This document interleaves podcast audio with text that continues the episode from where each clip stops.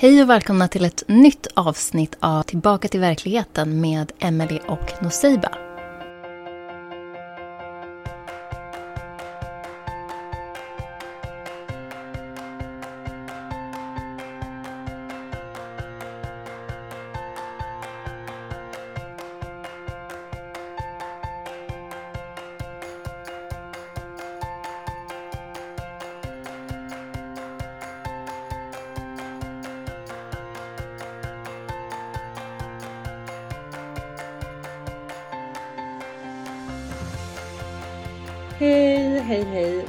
Välkommen tillbaka till verkligheten.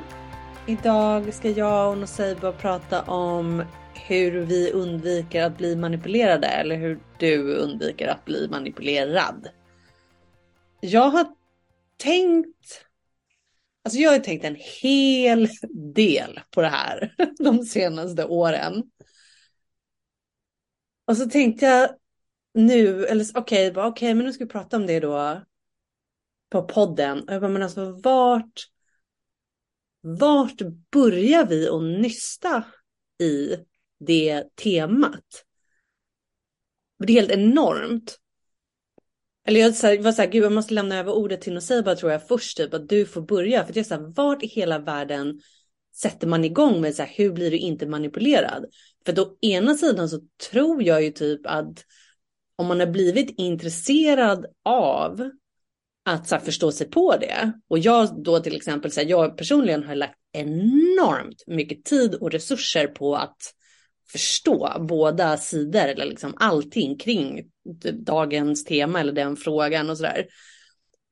Och jag tror att andra som också gör det då, det är ju ett direkt resultat av att de har blivit manipulerade eller att de har varit med om någonting så pass traumatiskt att vi sen faller in i någon typ av ehm, ja, men så här, nästan besatthet i, eller av att liksom förstå varför vi hamnade där vi hamnade eller hur det gick till och hur ska jag se till att jag aldrig upplever någonting liknande igen.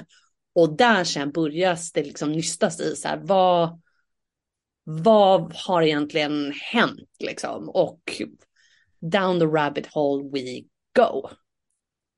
Ja, jag tror att det är väldigt många som börjar i den änden. Liksom. Jag tror att anledningen är att om man har blivit manipulerad, och man har insett det då i efterhand, för det som oftast sker då, eller i alla fall i mitt fall när det har hänt, så har det lett till att jag känner att jag har en brist på självtillit plötsligt. Det är som att jag kan inte lita på min egen förmåga att läsa av situationer eller att eh, kunna lita på mig själv, att jag ska att jag har koll på saker. När det blir väldigt tydligt sen med facit i hand att jag blev förd bakom ljuset på något sätt. Och då klart att för mig i alla fall har det varit nummer ett drivkraft, att jag vill ju kunna lita på min egen upplevelse och min egen utvärdering liksom, av situation. Så med det in mind, absolut, då börjar man ju tänka på så här, vad var det som gjorde att jag inte kunde se vad det faktiskt var som skedde? Och det är i och för sig, å ena sidan är det att är inte det sådär jättehälsosamt att ha det perspektivet, för det blir som att man skyller på sig själv för att man har blivit manipulerad istället för den som faktiskt gör det här. Eh, samtidigt som det är ett sätt att kunna ta tillbaka sin makt på något sätt. Okej, okay, jag kan inte ändra det som händer eller hur den personen agerar. Det enda jag har att jobba med är mig själv. Ja, och det är här det blir så himla dubbelt upp. För då å ena sidan så visst, det är ju kanske inte så hälsosamt eller gynnsamt i längden att gå runt och bara, ah, det här var mitt fel, alltså jag har misslyckats, jag var dålig, eller men du vet, gå runt och klandra sig själv då. Samtidigt som, som du säger, så måste vi ju också så här, eller du vet som vi pratar om ofta, att så här, vi kan ju inte vara kvar i någon så här, åh oh, gud stackars mig, jag är ett offer, utan vi måste ju också så här, erkänna våra egna brister, typ att jag lät det här hända, för att om vi inte gör det då kommer vi aldrig heller kunna ta ansvar så här, för oss själva, vårt liv och, sitt, och liksom känna då att så här, men nu kommer jag tillbaka till, eller kanske för första gången i mitt liv ändå upplever den här känslan av att nu eh, kan jag lita på mig själv liksom för att jag har lärt mig. Nu har jag gjort, eh, jag har gjort vissa misstag eller jag har varit med om vissa saker som har gjort mig starkare liksom och hela den här Fenixfågeln på nyttfödelsen, liksom, jag är återuppstådd, starkare och mer kraftfull den här gången. Du vet, så den är, det är så dubbelt. Mm, absolut. Alltså, jag, jag, tänker ju, så här, så här har jag tänkt gällande lite så här upplägg innan vi liksom bara ja. dyker ner Men, i det här. Snälla, snälla. Men jag tänker mig att eh, det är alltid väldigt smart att börja med liksom någon typ av definition. Och för manipulation specifikt är ju inte sådär överkomplicerad, de flesta vet ju, men bara om man ska sätta lite ord på det så har jag skrivit ner så här, väldigt så här dumförklarande egentligen, men bara för att vara tydlig. Ja. Att manipulation är när person A styr person B utan att person B är medveten om det för person A's egna vinnings skull. Och eh, jag tror att när man snackar om manipulation, det är ju lätt att se när någon har manipulerat till sig någonting konkret som pengar eller sådär.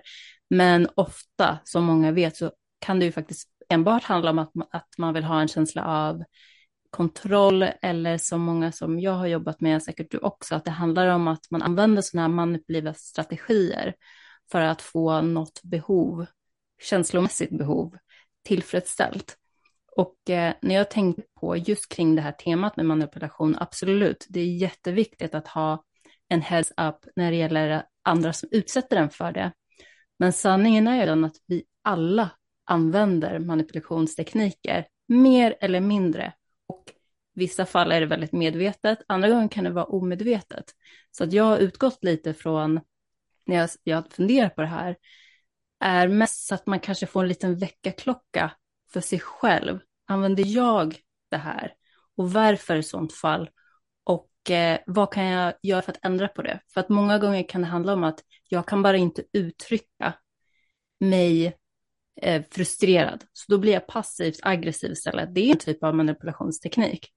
Så att, eh, ja, så att det blir som en liten väckarklocka för sig själv. Som sagt, samtidigt så kan det vara bra att kunna hålla ögonen öppna för eller kanske bli lite bekräftad om man misstänker att man håller på att bli manipulerad. Visst, jag är helt med på det. För jag har också tänkt i de banorna. Först det som är så emotionell, emotionella, vad säger man, behov. Och Att det är gärna där manipulationen kommer in också, även fast det så går över i det, i den mentala sfären så att säga. Så, där. så handlar det ju alltid alltid i princip om, som du säger, om så här, det, handlar, det är så här, makt och kontrolldynamiker. Någon känner att de vill ha mer makt och mer kontroll än vad de kanske har och då kommer manipulationen in. Det grundar sig typ alltid i eller på de här, eh, alltså hot topics, eller vet, alla pratar ju om skuld, skam och rädsla. För att alla de här kontroll och maktdynamikerna som vi säger och manipulationen liksom går alltid att koka ner igen till de känslosfären vill jag säga. Hur som helst så vill jag bäst hålla med om att det så många gånger också handlar om alltså oss själva eller dig själv och gärna då i direkt i koppling till så här, hur ska du undvika att bli manipulerad? Och det är Alltså om det var typ Nietzsche eller om det var Freud eller om det var vem det nu var som sa det. Att alltså det bästa sättet att hantera någon annans mörker eller ondskan i någon annan. Det är ju att vara medveten om mörkret och ondskan i dig själv. Och så, ja, där någonstans kommer vi också in på det som är att vara alltså naiv eller inte så medveten och som vi var inne på lite förra veckan så när vi pratade om psykopater så här, alltså det finns ju olika nivåer. Mm. Det finns liksom olika Absolut. nivåer för vissa mm. människor kanske som du och jag då. Vi är ju villiga och öppna för att liksom titta på oss själva och vara så oh, men gud, jag kan ändå, jag kan ändå ta det, jag kan liksom svälja mina egna skuggor så att säga, eller jag kan ehm, jag kan ändå hantera det och jag kan eh, erkänna då eller liksom få upp ögonen för mina blind spots, liksom om hur jag manipulerade folk när jag var yngre eller hur det fortfarande så omedvetet kan ligga där. Ja, alltså jag tänker på två saker. Å ena sidan så tror jag att det finns de som kanske är villiga att se mörkret i sig själva och vill förbättra sig själva, men där vissa ohälsosamma strategier är så normaliserade. Det är väldigt svårt att se sig själv liksom, utifrån. Alltså vi har alla våra blind spots liksom, och det är därför oftast det är väldigt bra. Typ som vad då, då när du säger eh, alltså sådana här strategier liksom som gör att det... Ja men till exempel om man eh, är sån som använder, som ett exempel som jag har bland knepen, liksom att vissa, vi människor är ju väldigt så här reciprocal. Vi lever utifrån en sån typ av norm, att jag gör det här för dig, du gör det här för mig. Alltså det är någon typ av balans och är det obalans så brukar det oftast vara något väldigt så här, toxic mönster som någon av båda parterna har om vi snackar om två olika personer. Liksom. Så här tillbaka kakor menar du? Ja, men exakt. Eh, ja. Så till exempel, det finns de som är väldigt, eh, vad ska man säga, de tänker i förtid. Så att de använder en strategi, eller de tillämpar en strategi där jag tänker vara jätteglad och hurtig idag. För då kanske si eller så gör så här och så här för mig. Och visst, för många kan det här att vara någonting som man är fullt medveten om. Men det går väldigt mycket, eller det kryllar väldigt mycket människor som kan göra sånt här till exempel. Helt omedvetna om att de faktiskt gör det. Jo. Jo, och de, det är ju de, alltså, nästan de som är farligast. Alltså jag, tänker att det beror på, jag tycker att det är farligare när det är människor som är medvetna om vad de gör och de skiter totalt i det. Och det här var också en av punkterna som jag ville ta upp liksom innan vi börjar gå in på eh, punkter som man måste ha koll på, så, eller som man helst kan ha lite så här i bakhuvudet. Och det är alla med någon typ av auktoritetsposition till exempel. De kan ju verkligen utnyttja den rollen eller den statusen eller tilltron som de har eller respekten som de har för att manipulera folk precis som de vill. För att de har liksom tagit sig till en position där man utan att känna personen privat kan få någon att göra precis som man vill. Och eh, jag tror att många, inte många ska jag inte säga, men man måste nog ha upp ögonen för att den typen av individer är inte rädda för att uh, utnyttja det. Nej, de är ju inte det. Alltså det är ju som du säger, det är det, de, de är livsfarliga. För de på riktigt, som vi sa i förra veckan också, alltså det finns ju vissa människor där ute som inte bara sa, oh, jag bryr mig inte så mycket om andra, utan de på riktigt så vill se andra lida. Alltså det ger dem en känsla av eh, tillfredsställelse och veta att de kommer undan med att vara riktigt så här elaka eller att eller utnyttja andra så att de njuter av det. Mm, precis, jag tänker nästan att det är med sådana som man behöver va, ha extra mycket koll på vad det är man faktiskt går igenom. Och jag tänker spontant på vissa säljare till exempel kan ju verkligen get dirty när det gäller sånt här och eh, ja, dra i alla möjliga strängar för att få som de vill. Sen kanske inte det handlar om att de är sadister direkt, men det, det handlar om att de vet att de försöker dra huvan över huvudet, eller vad, vad man säger.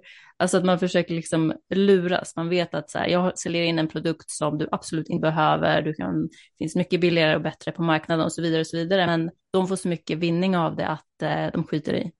Jo, alltså ja, Sen så vill jag ändå hålla fast vid det, det jag sa om att människor som är som omedvetna om sina egna liksom brister eller manipulativa tendenser och så vidare är nästan ännu värre. För att det är, eller du vet om du hänger med mig då på i det att jag säger att det är de som tillåter eller det är de som liksom möjliggör för de här riktiga psykopaterna att ta maktpositionerna eller att liksom hamna där. För att vi går runt i någon typ av så här naiv dimma och kan inte ens föreställa oss att någon annan skulle vara så grym.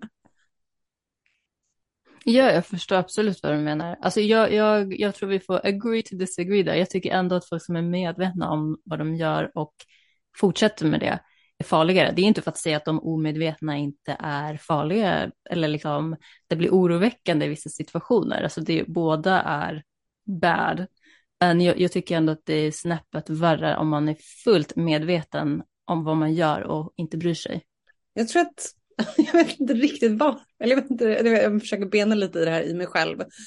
Men det är som att jag jag kan nästan, jag kan nästan respektera integriteten av de som är så här riktigt onda över någon som bara blint så här, inte, ja, men inte tar något ansvar då för sig själv eller resten av sin omvärld och bara vadå? Nej, men nej, alltså så här, som bara glider med typ. Alltså då, förstår du vad jag menar? Det är som att jag så här, Ja, men jag förstår vad du menar. Jag tror att jag ser det mer från, jag ser det mer från att de som är omedvetna har ändå potentialen att faktiskt vakna upp och ta ett val kring saker jo. de inte är medvetna om än. Så jag tror att jag, mer, jag ser det mer som att de som är medvetna om vad de gör fortsätter. Det är lite av en last cause liksom. Jo, men alltså det kan du ju kanske mycket väl ha, ha rätt i. Att det finns ju, visst, alltså det kanske finns mer hopp för dem de som fortfarande, vad säger man, sådär som strutsen som har huvudet i sanden. Liksom. Mm. Kan hopp för dem att de till slut bara, oj då.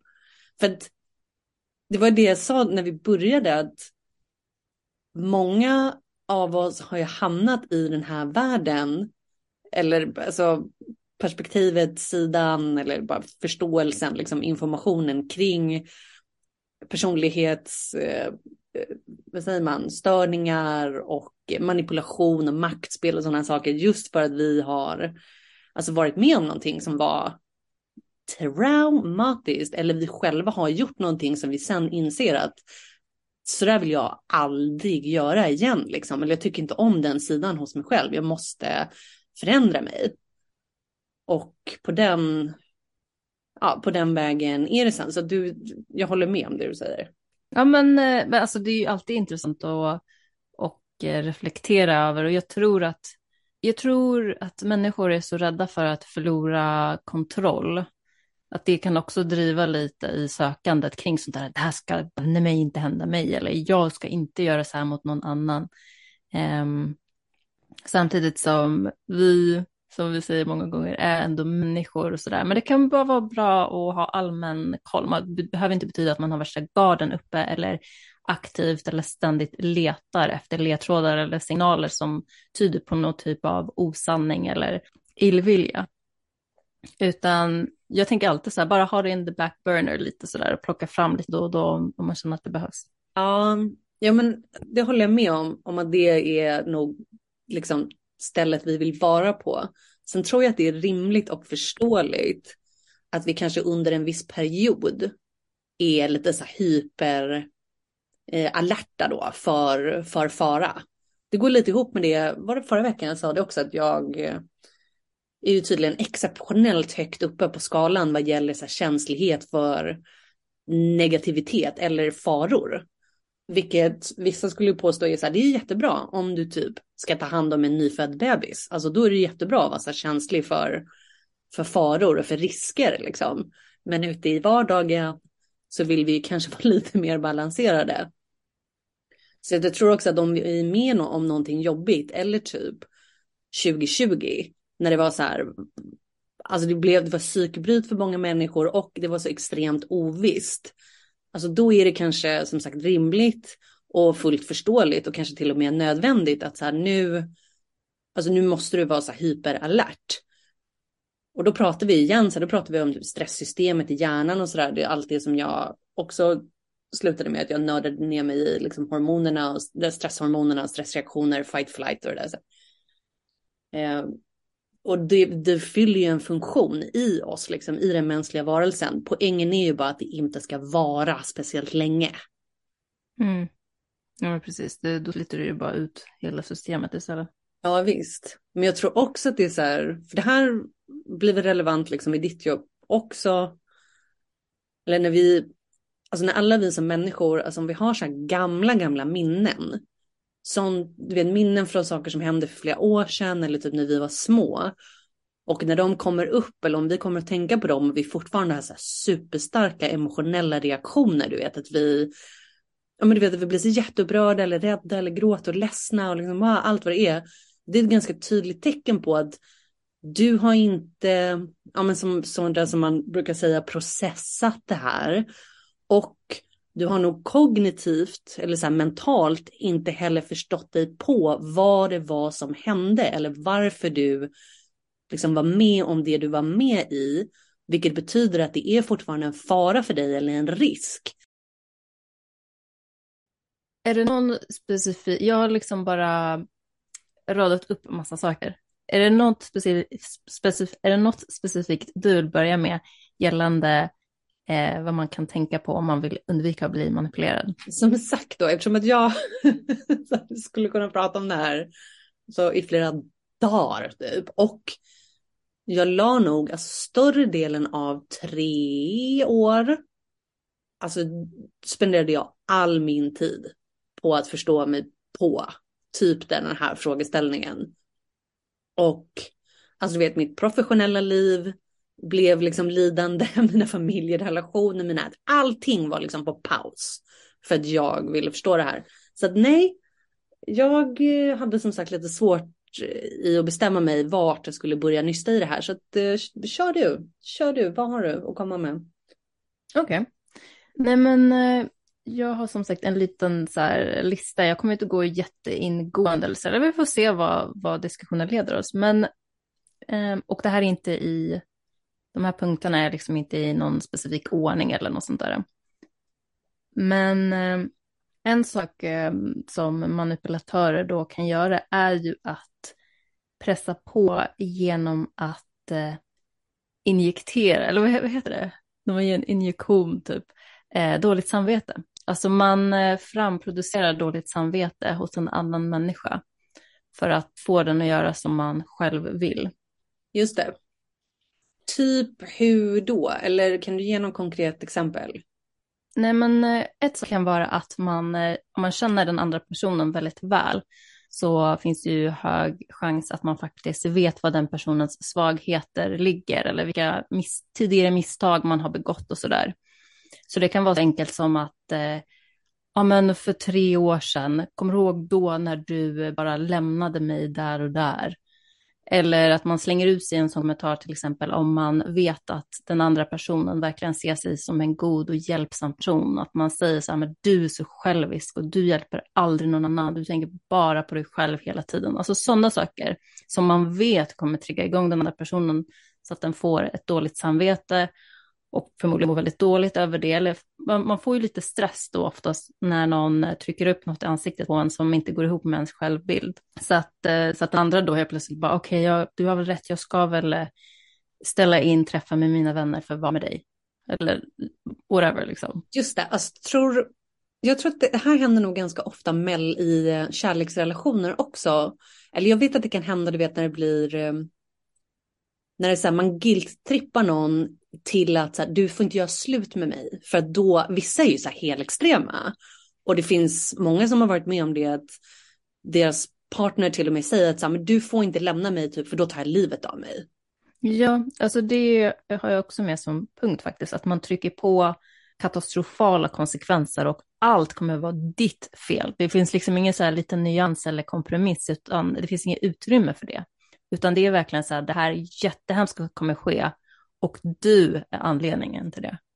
Om du inte gör si eller så. Just det, alltså för då, vissa då drar väl till då som du säger så här med katastrofala konsekvenser liksom. Men gissningsvis så kan man ju tro att det börjar lite lättare. Eller att vissa som är lite mer sofistikerade liksom i sin manipulation, de, de börjar nog på, ett lite, på en lite lättare nivå liksom.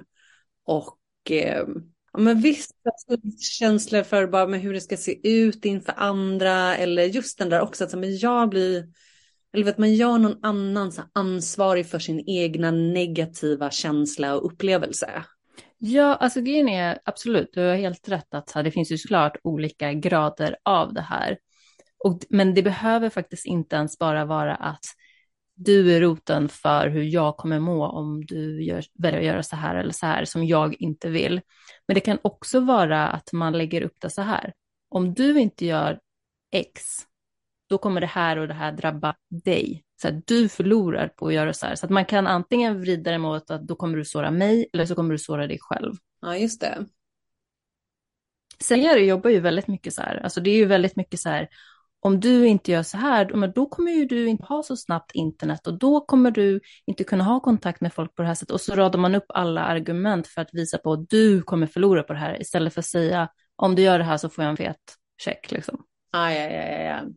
Men då tänker jag så här också, när, alltså när det var pandemi och det var så här, nu måste alla vaccinera sig, för annars om du inte vaccinerar sig, dig, då är det ditt fel att folk dör.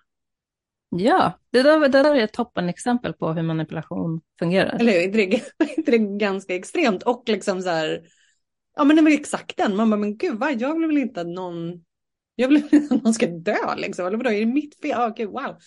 Ja. ja, jag menar man stöter ju på jättemånga som var så här, nej men jag, jag är ung och frisk och jag kanske inte behöver göra det, men för andras skull. Och så, så så, så spädde man på det här med stora good samaritan som gör som storebror säger liksom. Ja, ja men helt, helt klart. Det var väl, och det var väl en, precis som du säger, en ganska så här katastrofal konsekvens liksom av att ja, om du inte gör som jag säger. Ja, och att man straffar också kollektivt kan bestraffa människor. Alltså det där tycker jag var så intressant, för det var typ en extrem, från mitt perspektiv, det är säkert jättemånga som inte håller med, men från mitt perspektiv var det så extrem typ av manipulation på så kollektiv nivå. Alltså man drog med så många miljarders människor på något. Jag bara applåderade de som är på toppen. Bara wow, ni har verkligen ni har verkligen lyckats med någonting här, det är helt sjukt. Men det är alltid den, eller som jag säger, alltså vissa är ju riktigt sofistikerade liksom och pure. eller du vet, de är riktigt sofistikerade i det de håller på med. Och sen så, det sa vi väl också nu nyligen, hur, för manipulation i och för sig, alltså alla människor kan ju manipulera, både män och kvinnor. Men vi ska komma ihåg att det är den feminina delen av oss som manipulerar.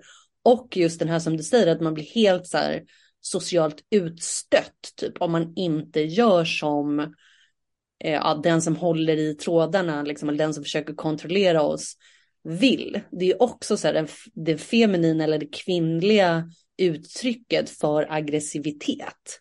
Du vet att du är helt, du blir socialt utfryst liksom och förlorar din position, din status och ditt rykte i princip. Och alltså det är ingen liten grej, du vet. Det är, alltså, det är, det är ju superjobbigt. Liksom. Alltså, det är så jobbigt för människor.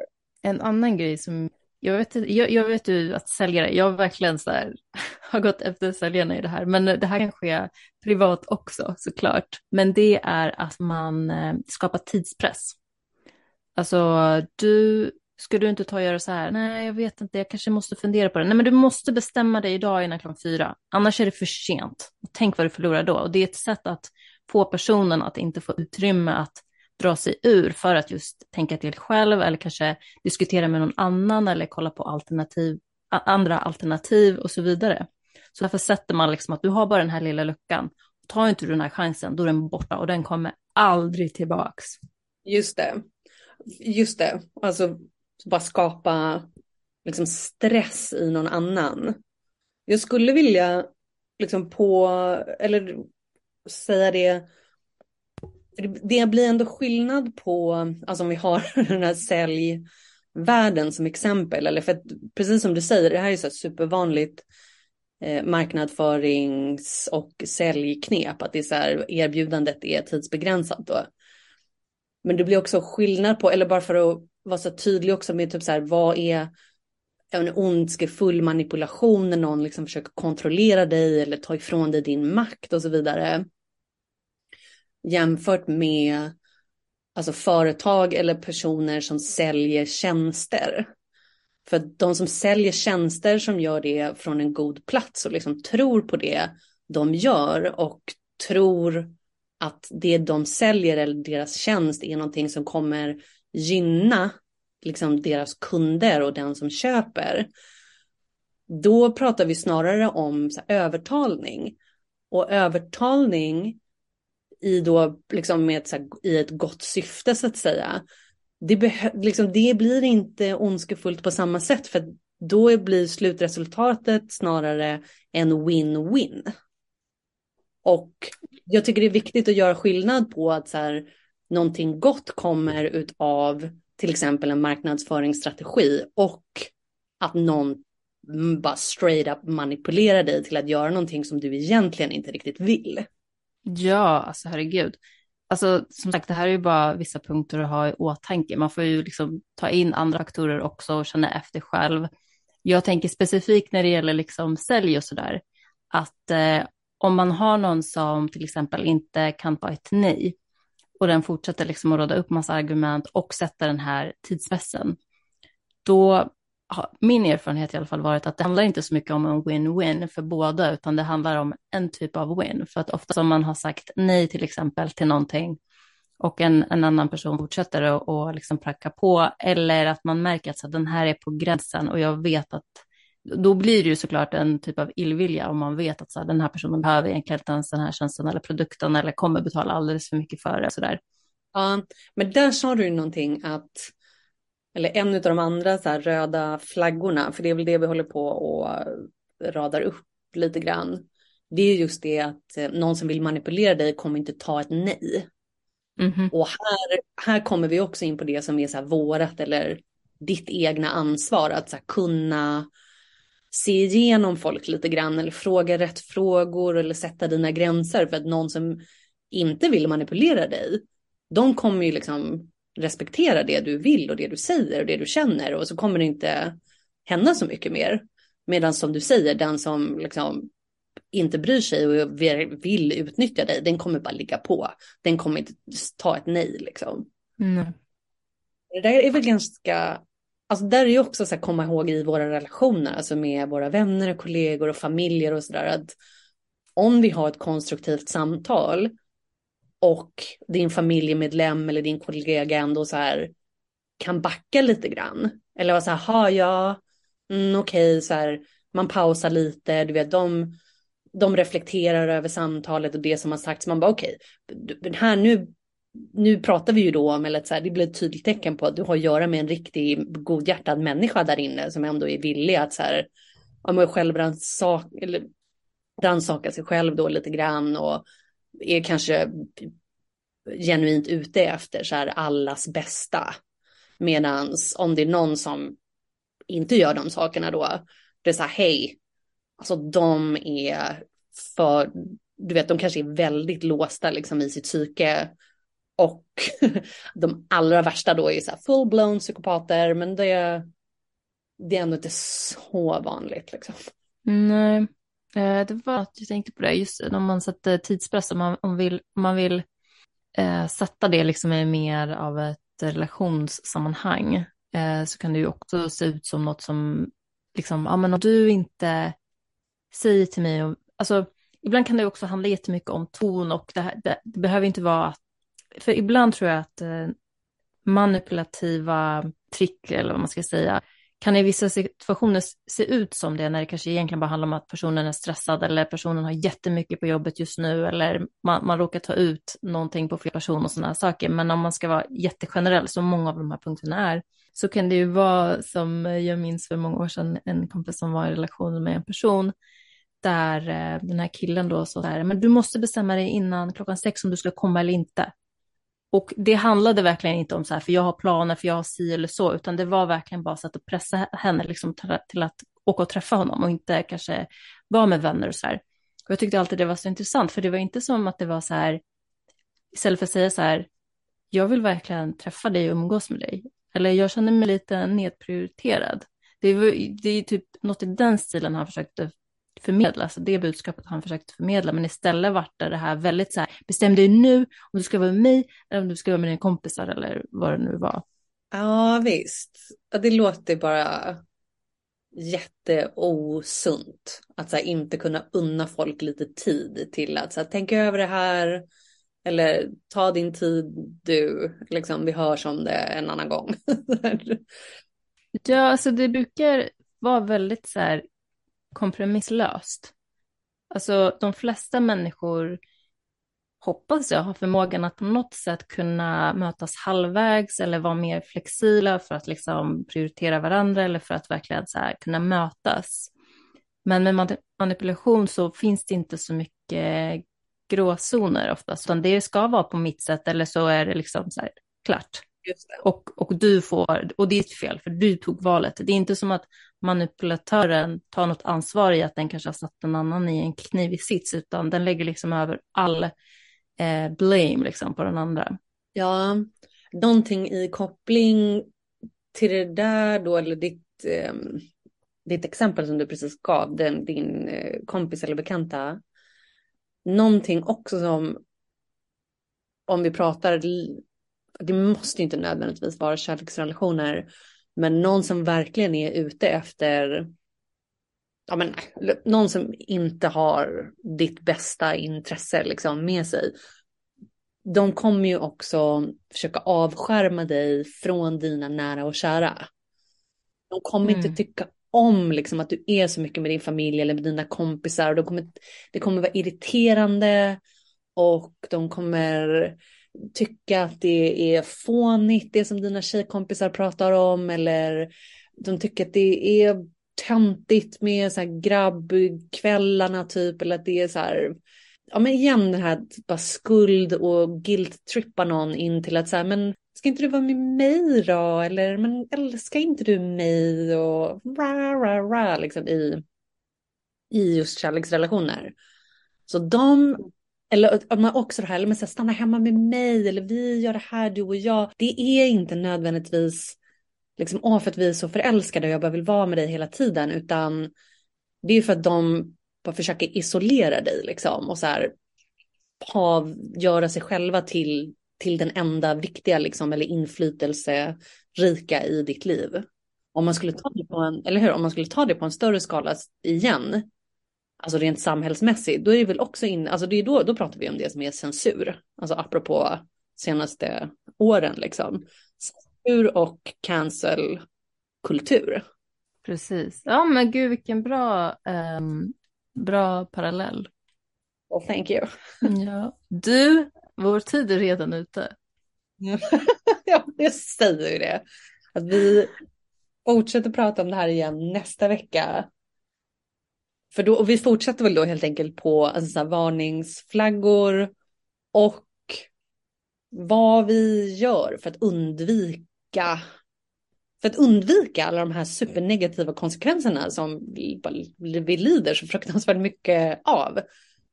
Vare sig vi har blivit manipulerade och illa behandlade förut eller om vi typ har lyckats undgå det. Fast jag tror typ inte att någon har lyckats undgå det. Jag tror bara som vi, som vi började prata om, eller som du sa, att vissa har bara inte fattat det än, typ vad de har varit med om här i livet. Exakt, exakt. Ja men vad kul. Då tar vi tag i det nästa vecka. Ja vad kul. vad kul hörni. Vi hörs igen nästa vecka, ja. Ta hand om er.